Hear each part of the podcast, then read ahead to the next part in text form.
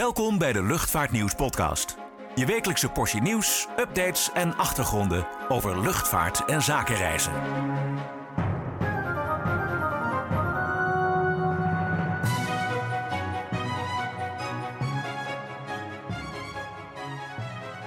Hallo en welkom bij weer een nieuwe Luchtvaartnieuws podcast. Het is eh, vrijdag, behoorlijk cijferdag ook vandaag met cijfers van KLM en Schiphol. Dat kun je wel zeggen, ja. Dat kun je wel zeggen, we komen om in de cijfers eh, en belangrijke cijfers ook. Hè? Iedereen eh, was benieuwd hoe KLM het had gedaan na het chaosjaar op Schiphol. eh, en Schiphol zelf natuurlijk ook. Ja. Wat heeft het gekost, al deze ellende?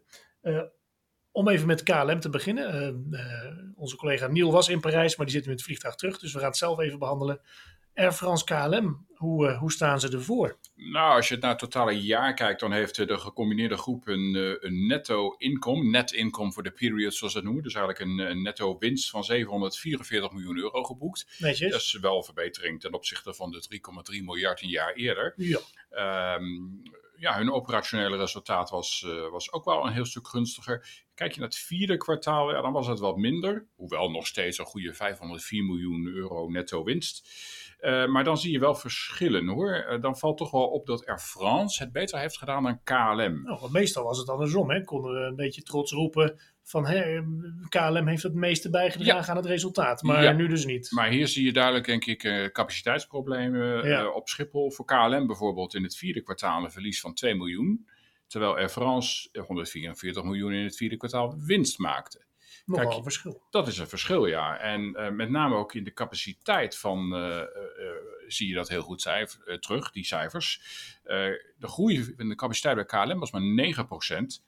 Air France groeide 31%. Dus je ziet de beperkingen op Schiphol doen KLM pijn. En dat zie je terug in de financiën, dat zie je gewoon terug in de, in de inkomsten.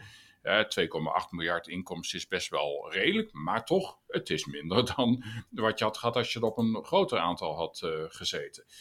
Ehm, in het jaar, als je het over het hele jaar bekijkt, 2022, dan deed KLM het wel weer beter dan Air France. Dan bedroeg de winst, eh, of het operating resultaat, bedrijfsresultaat, 706 miljoen euro voor KLM en 483 miljoen voor Air France. Dus dan blijft KLM toch wel een sterke speler. Maar je ziet de zomer en ook het vierde kwartaal, herfst-winter, dat was niet zo'n goed kwartaal voor, eh, voor KLM. Nee, precies. Nou goed, de cijfers zijn natuurlijk vooral eh, interessant ook voor de aandeelhouders. Eh, laten we even kijken wat er nog aan opvallendheden in zat. in, in, de, in de toelichting op de cijfers. KLM gaat nu echt definitief helemaal van het staatsinfuus af, toch? Om het even oneerbiedig te zeggen, want het is natuurlijk gewoon een lening Ja. die je terug moet betalen. Maar de staatsagent die, eh, die moest sleutels inleveren straks. Daar komt het eigenlijk op neer. Ja, eigenlijk Air France en KLM willen versneld van, van het eh, staatsinfuus af. Eh, oorspronkelijk was eh, de doelstelling 2025 en ze zijn eh, eigenlijk al sinds mei vorig jaar of mei 21 eh, al aan het terugbetalen. Maar dat gaat ineens versneld gebeuren. De doelstellingen zijn bijgesteld en je ziet dat KLM, ja, die had in mei 21 al, of die had toen 3,4 miljard gekregen hè, aan, aan kredietfaciliteiten Ja. en gegarandeerde leningen. Die hebben toen eh, 900 miljoen, ruim 900 miljoen afgelost. Dan stond er alleen nog een gegarandeerde lening open van eh, 2,5 miljard voor eh, de KLM. Ja, die hebben ze dus niet gebruikt, hè, voor de duidelijkheid. niet gebruikt. Nee. En die gaan ze nu inleveren weer bij het Rijk. Ja. En daar komt een andere kredietfaciliteit tegenover te staan die ze op een andere manier op de beurs gaan ophalen. Ja, want eerder wilden ze dat niet. Hè? Dan zeiden ze van, nou ja, we hebben alles terugbetaald, Ja. maar de staatsagent, daar kunnen we niet vanaf, want we willen in geval van nood nog terug kunnen vallen op de overheid. En we weten, doen ze nu we- niet meer. En we weten niet of we in de hè, reguliere financiële sector, waar wel dergelijke garanties kunnen krijgen, maar blijkbaar hebben ze dat nu wel voor elkaar gekregen. Ja, want ze hebben succes gehad met het ophalen van, eh, van geld. Laatst 1 miljard via een zogenaamde Sustainability Linked Revolving Credit Facility hebben ze opgehaald. Eh, dat smaakt naar meer, want dat is ook de manier waarop ze bij KLM nu eigenlijk die 2,5 miljard eh, niet gebruikte lening willen gaan, gaan vervangen. En Air France die doet eigenlijk hetzelfde. Die gaat ook versneld aflossen en die komen in april ook helemaal op nul uit. En dan hebben ze in totaal voor 3,4 miljard aan leningen en kredietfaciliteiten en andere steun helemaal weggewerkt. En eh, ja, Ben Smit zei vanochtend in Parijs, eh, daar zijn we blij mee.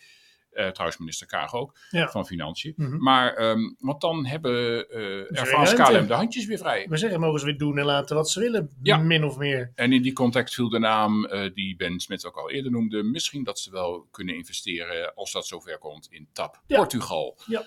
Eh, op dit moment ligt die maatschappij nog zwaar aan het staatsgeld en staatsinfuus.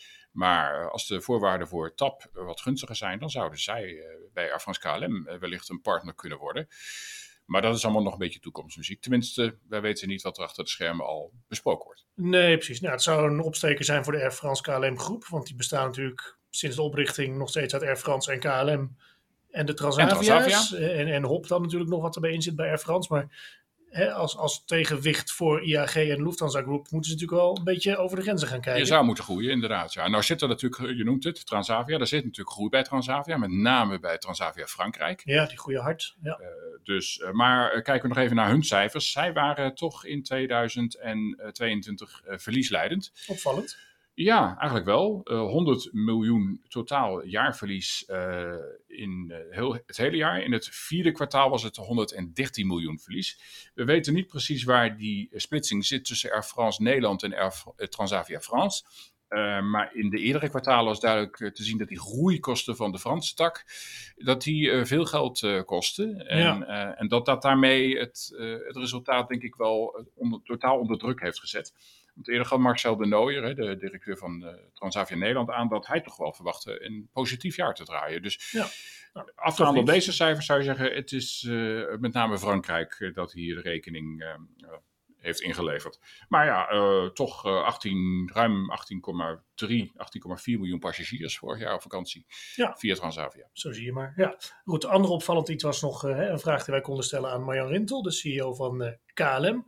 Over de 777's. Hè, want er wordt veel gesproken over vlootvernieuwing, Ja. vervanging. Hè, de A320 Neo en 321 Neo komt natuurlijk voor de 737. Eh, de, de, de E2's eh, die zijn bij Cityhopper nu actief, komen er steeds meer van, ondanks de motorproblemen, maar daar hebben we het al over gehad. Ja. Eh, de A330's gaan eruit, maar iets later. Hè, dat heeft eh, onder andere te maken met de introductie van extra Dreamliners. Eh, ondertussen gaat hier het zonnescherm dicht. Misschien horen de luisteraars thuis dat. Eh, maar hoe dan ook, ehm, eh, de 777's, hè, zeker de oudste 777's, de 200's, die beginnen een beetje op leeftijd te raken. 20 jaar Ze ongeveer. kraken en piepen, dat kun je hier horen. Ja, ik wil zeggen, ze kraken de piepend vliegen ze over. Nee, bedoel, het zijn prima toestellen natuurlijk, kunnen je nog Maar ze zijn jarenlang wel mee. af- op zich aan vervanging toe.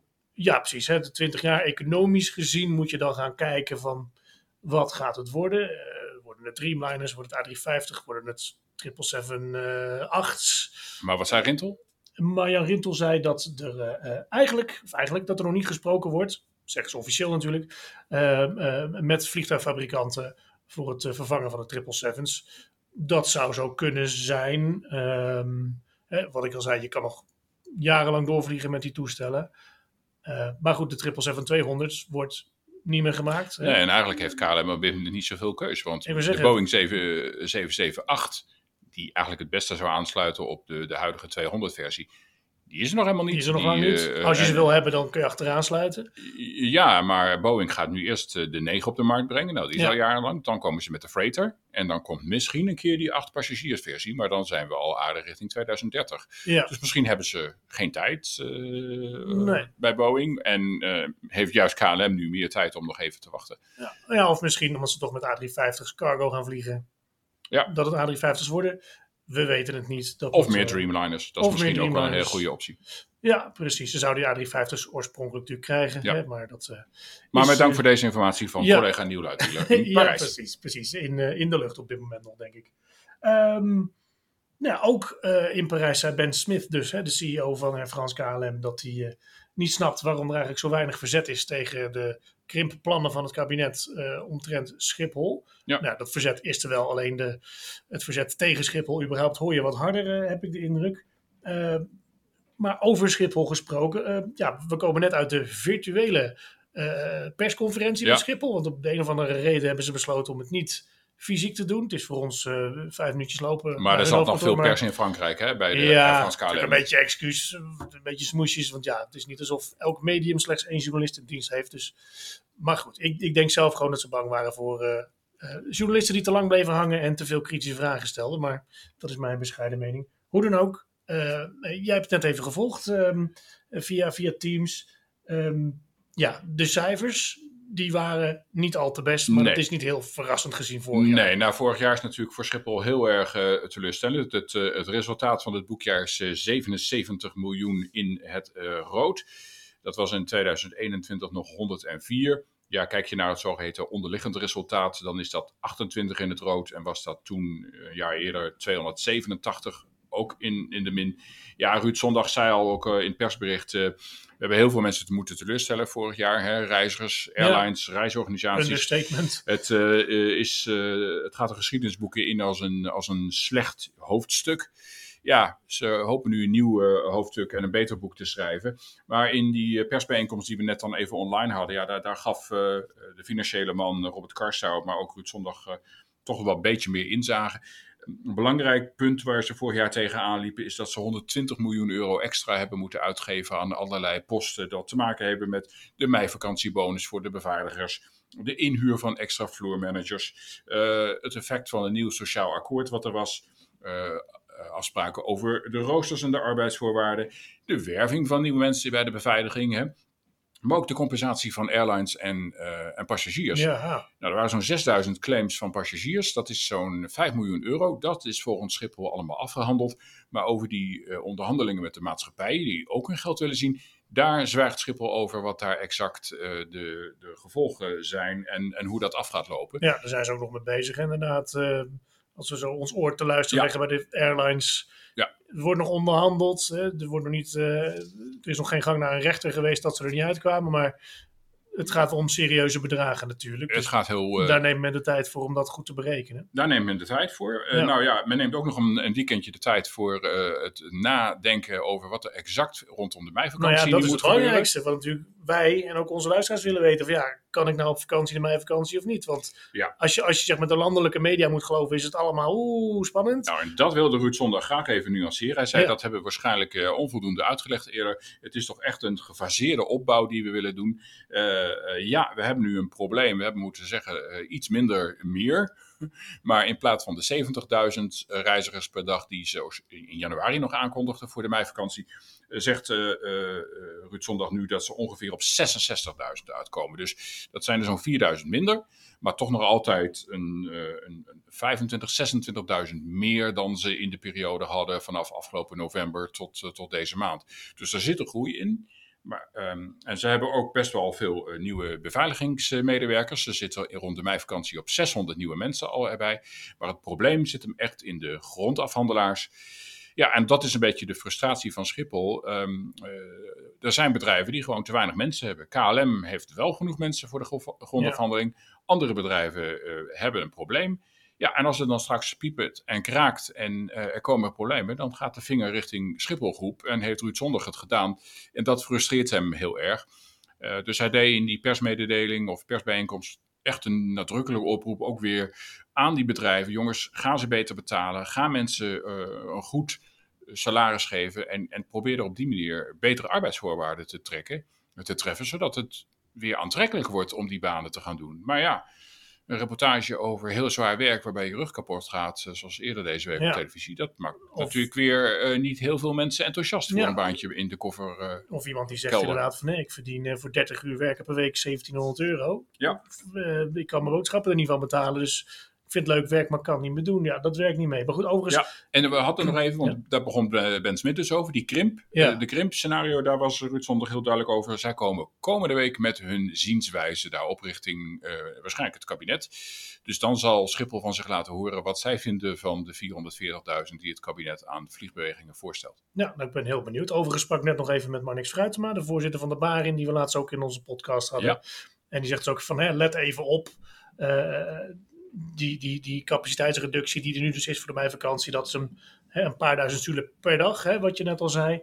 Dat zijn niet per se passagiers per dag. Het gaat echt om de beschikbare capaciteit, want niet elke vlucht zit uh, hè, helemaal ramvol altijd. En het gaat dus echt ook specifiek over een paar piekdagen en Ja. piektijden waarop ze Maar dus... zes eh, dagen zijn dat nog maar, in plaats van veertien. Dus het wordt wel steeds behapbaarder. Ja, precies. Maar het is ook niet de rest van het jaar of de rest van het zomerseizoen. Nee. Het kan nog beter worden, het kan ook nog slechter worden, maar dat, dat, dat moeten we dus nog Ja. zien. Ja, Sch- Schiphol doet nog geen uitspraak over de zomer. hoopt dat het beter gaat. Ja, hoop is altijd makkelijk, maar het is nog een beetje te vroeg voor de voorspellingen in die richting. Ja, precies. Goed, uh, wij nemen even een kop thee, gaan even naar de reclame en dan zijn we zo bij u terug. Word nu abonnee en ontvang 12 keer per jaar het Luchtvaartnieuws magazine. En onbeperkt toegang tot nieuws en achtergronden op luchtvaartnieuws.nl en zakenreisnieuws.nl. Ga voor meer informatie naar luchtvaartnieuws.nl/slash abonneren. Ja, daar zijn we weer. Um, Richard, jij eh, bent vers geland uit Toulouse. Waar ben je geweest? Nou, dat, dat, dat laat zich raden bij, bij Airbus. Maar wat had ook bij ATR kunnen zijn. Maar... Had ook bij ATR kunnen zijn. Of gewoon in Toulouse, ook een hele leuke stad om te bezoeken. Wat, uh, wat had Airbus uh, deze week allemaal te, te laten zien en te bespreken? Nou, donderdagochtend heel vroeg de jaarcijfers. Uh, daar gaan we niet te veel over uitweiden, want dat is allemaal heel erg financieel. in die zin, het interessantste onderdeel was op de woensdagmiddag.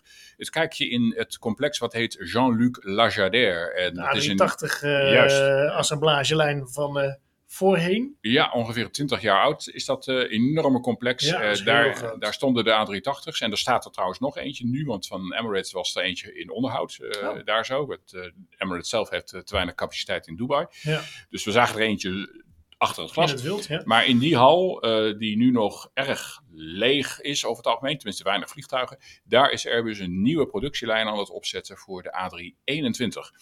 Ja, um, dat is het populairste type wat ze nu bouwen. Ja, hè? daar hebben ze echt uh, de meeste van verkocht. Dus daar hebben ze een enorme backlog van. En uh, hoewel ze die al bouwen op uh, alle andere lijnen. In, ze hebben er vier in Hamburg. Ze hebben er nog twee in Toulouse. Maar daar gaat er eentje van weg dan. in Tianjin in China, hebben ze nu ook de A321. In Mobile. in Mobile hebben ze er eentje. En er komt nog een lijn bij. Hm. Dus met deze nieuwe lijn erbij in Toulouse hebben ze straks negen lijnen. En deze is anders dan de andere in die zin dat er nog meer geautomatiseerd wordt. Niet zozeer dat de robots je uh, vliegtuig in elkaar zetten, want dat is toch nog wel veel handwerk. Uh, maar uh, het verplaatsen van de rompdelen, het toeleveren van bijvoorbeeld het landingsgestel, dat wordt allemaal op geautomatiseerde karretjes gedaan, die vanzelf door de fabriek heen rijden. Nou, interessant. er komen 24 heftrucks die uit het magazijn onderdelen naar een bepaalde plek toe brengen waar ze weer voor het vliegtuig worden uh, gebracht. Dus uh, dat is wel een stuk automatisering, wat met name dus de, de arbeidsomstandigheden voor de werknemers daar moet verlichten. En niet zozeer dat er minder mensen komen te staan. Want als er een robot staat die gaatjes boort, dan is er nog altijd wel iemand bij die dat in de gaten houdt. Ja. Ik wil zeggen, er zochten nog heel veel mensen ook bij Airbus. 13.000. Dus, dus daarom, uh, ja. Maar da daar, daar zit het hem niet in. Nee. Maar je ziet vooral het, een enorm groot complex. Uh, dat wordt alleen maar, uh, ja, als je erin staat denk je, oeh, wat doen ze met al die ruimte? Maar het wordt anders ingedeeld om het allemaal nog te kunnen opbouwen. er staat één vliegtuig. Uh, waar ze al maanden mee bezig zijn, sinds oktober. Want daar moet allemaal heel voorzichtig bekeken worden hoe dat gaat passen. En ergens in, voor het eind van het jaar, zegt de Airbus, komt dat vlieg, vliegtuig naar zijn eerste klant. Dus ik weet niet wie dat is. Maar uh, dan is het wel de bedoeling dat deze lijn in de loop van dit jaar echt op gang gaat komen. Ze hebben over een paar maanden ook een opening gepland. Um, en dan echt in 2026 is het toch wel de bedoeling dat die lijn helemaal op full steam moet draaien. Want Airbus wil in 2026 zitten op 75 uh, A320 familietoestellen per maand. Ja. Uh, dat is een jaar later dan ze uh, eerder nog zeiden. Maar ja, dat is toch het gevolg van de problemen in de, in de leverancierswereld. Um, daardoor schuift het allemaal een beetje naar achteren. Dus dat was eigenlijk de hoofdmoot van, van dat bezoek. Ja, en in die persconferentie, die doelstelling van hoeveel vliegtuigen willen ze dit jaar gaan bouwen. Uh, dat moeten er 720 zijn, althans 720 afleveren. En dat zei Guillaume Faury, de topman. Ja, dan hebben we eigenlijk twee jaar erover gedaan om dat aantal van 720 te halen. Want dat hadden we eigenlijk al in 2022 willen halen. Maar om de bekende supply chain issues uh, hebben ze dat toen niet kunnen realiseren. Dus het blijft een beetje een struggle om het allemaal te halen. Ja, precies. Nou, over die A321 gesproken, die zo populair is. Een van de belangrijkste klanten daarvoor is uh, JetBlue. Amerikaanse prijsvechter met uh, hoofdzetel in New York. Ja. Die, uh, die willen heel graag naar Schiphol. Dat willen ze al een paar jaar. In 2019 al kwamen die geluiden naar buiten. Alleen de slotcoördinator, die hier bij ons verderop op de gang zit, die zegt de hele tijd nee. Hè, de, de Aeroflot slots krijgen ze niet, de Flybe slots krijgen ze niet. En JetBlue is nu, eh, heeft nu een klacht ingediend hè, bij de Amerikaanse autoriteiten. Want die zeggen, ja luister jongens. En bij Onder- de Nederlandse ook, hè? En Ja. bij de Nederlandse, Ja. van, ja, luister jongens, onder de, onder de verdragen tussen de EU en, eh, en, eh, en de VS eh, hè, moet daar ruimte zijn. Dat klopt ook wel, want hè, elk jaar vaardigt de Europese Unie ook regels uit. Dan zeggen ze, hè, KLM en Delta in dit geval als hele sterke joint venture op Schiphol moeten op route X, eh, indien daar gegadigden voor zijn, slots vrijgeven. Daardoor in het verleden heeft ook Norwegian daar goedkope vluchten mee tussen Schiphol en New York mogen doen. Dus ja, je zou zeggen, wat is dan het probleem? Maar hè, dat- die moeten ze er gewoon kunnen krijgen als de aanvragen. Weten we wie het tegenhoudt? Is het alleen de slotcoördinator of zit daar een hogere macht achter? we, Die KLM heet misschien. Nou, daar zou ik niet specifiek over Of speculeren. Delta? Hm. Het zou misschien eh, eerder zo kunnen zijn dat Schiphol eh, natuurlijk nog er niet uit is, wat je net ook al zei, van hoe, hoe dat krimpscenario er eventueel uit gaat zien. Maar ja, Qatar Airways en anderen krijgen geloof ik wel extra slots. Dus het is wel... ja, het gaat toch niet om heel veel bij JetBlue? Daar hebben we ook nog theorie over.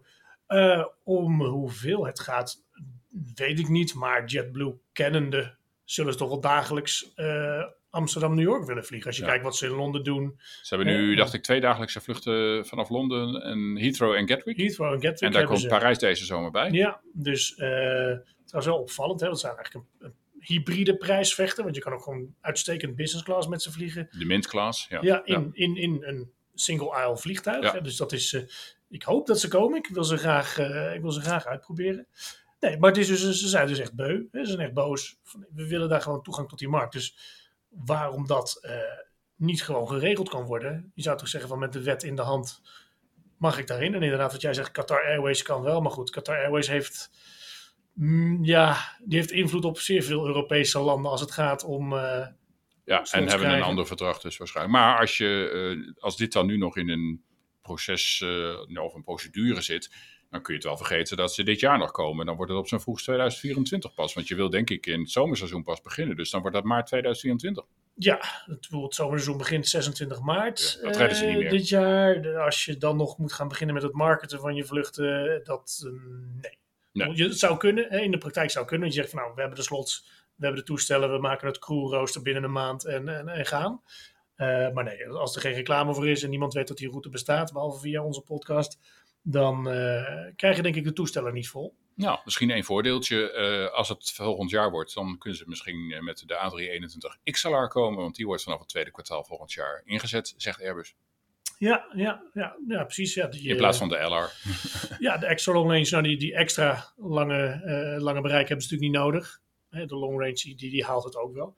Ehm, ja, en de A321 trouwens komt ook bij Transavia natuurlijk later dit jaar. Ja. En bij KLM dan eh, volgend jaar. Maar goed, die hebben al Maar dat is niet de long range versie. Precies, die hebben aangegeven dat worden gewone NIO's. Ja. Geen long range. Die, eh, eh, geen, ik heb toen wel eens over geschreven, Transavia daarna Curaçao mee zou kunnen vliegen. Maar nee, dat, dat, dat ligt niet in de lijn der verwachting. Kortom, wij blijven volgen hoe JetBlue en de Nederlandse autoriteiten daaruit gaan komen. Ja, ja, goed, er speelt veel in de luchtvaart. Dus Wel bijzonder dat het zo escaleert.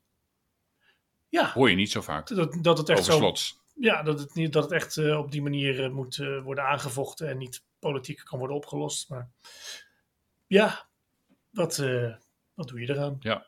blijk- blijkbaar, blijk, blijkbaar een klacht indienen en wat uit die klacht voortkomt. Ik weet niet of ze het via de rechter kunnen afdwingen. Maar goed, dat is natuurlijk sowieso een interessant verhaal. Als, hè, en is nog afwachten, als Schiphol echt naar die 440.000 moet van de overheid, ja, dan moet de slotcoördinator slots gaan afpakken van maatschappijen. En dat is natuurlijk ook waar de Barin zo druk over maakt. Van, ja, jongens, dat kan helemaal niet. Je hebt historische rechten, hè, die, die hou je als je ze gewoon hè, binnen, als je ze goed gebruikt. Dat, dat is ook Europees geregeld. Dat kan, dat kan Nederland niet zijn Maar eentje. dat heeft JetBlue weer niet. Dus die komt als nieuweling hier op Ja. de markt en kan zich op geen enkel historisch recht beroepen. Daarom, daar, daar zou de schoen kunnen wringen. Ja, hè, bedoel, tijdens de coronacrisis werden er uitzonderingen voor gemaakt. Hè, konden er allerlei airlines ineens naar Schiphol komen. Maar goed, toen werd er ook bij gezegd op papier van let wel, hieraan kunnen geen historische rechten worden ontleend.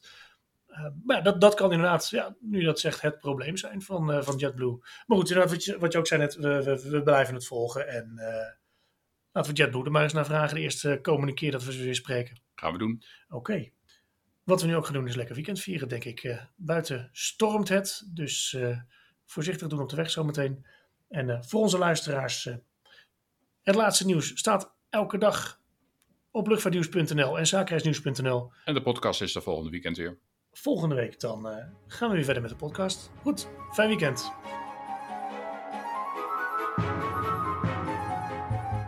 Bedankt voor het luisteren naar de Luchtvaartnieuws podcast. Voor opmerkingen, vragen of suggesties, mail ons redactie@luchtvaartnieuws.nl.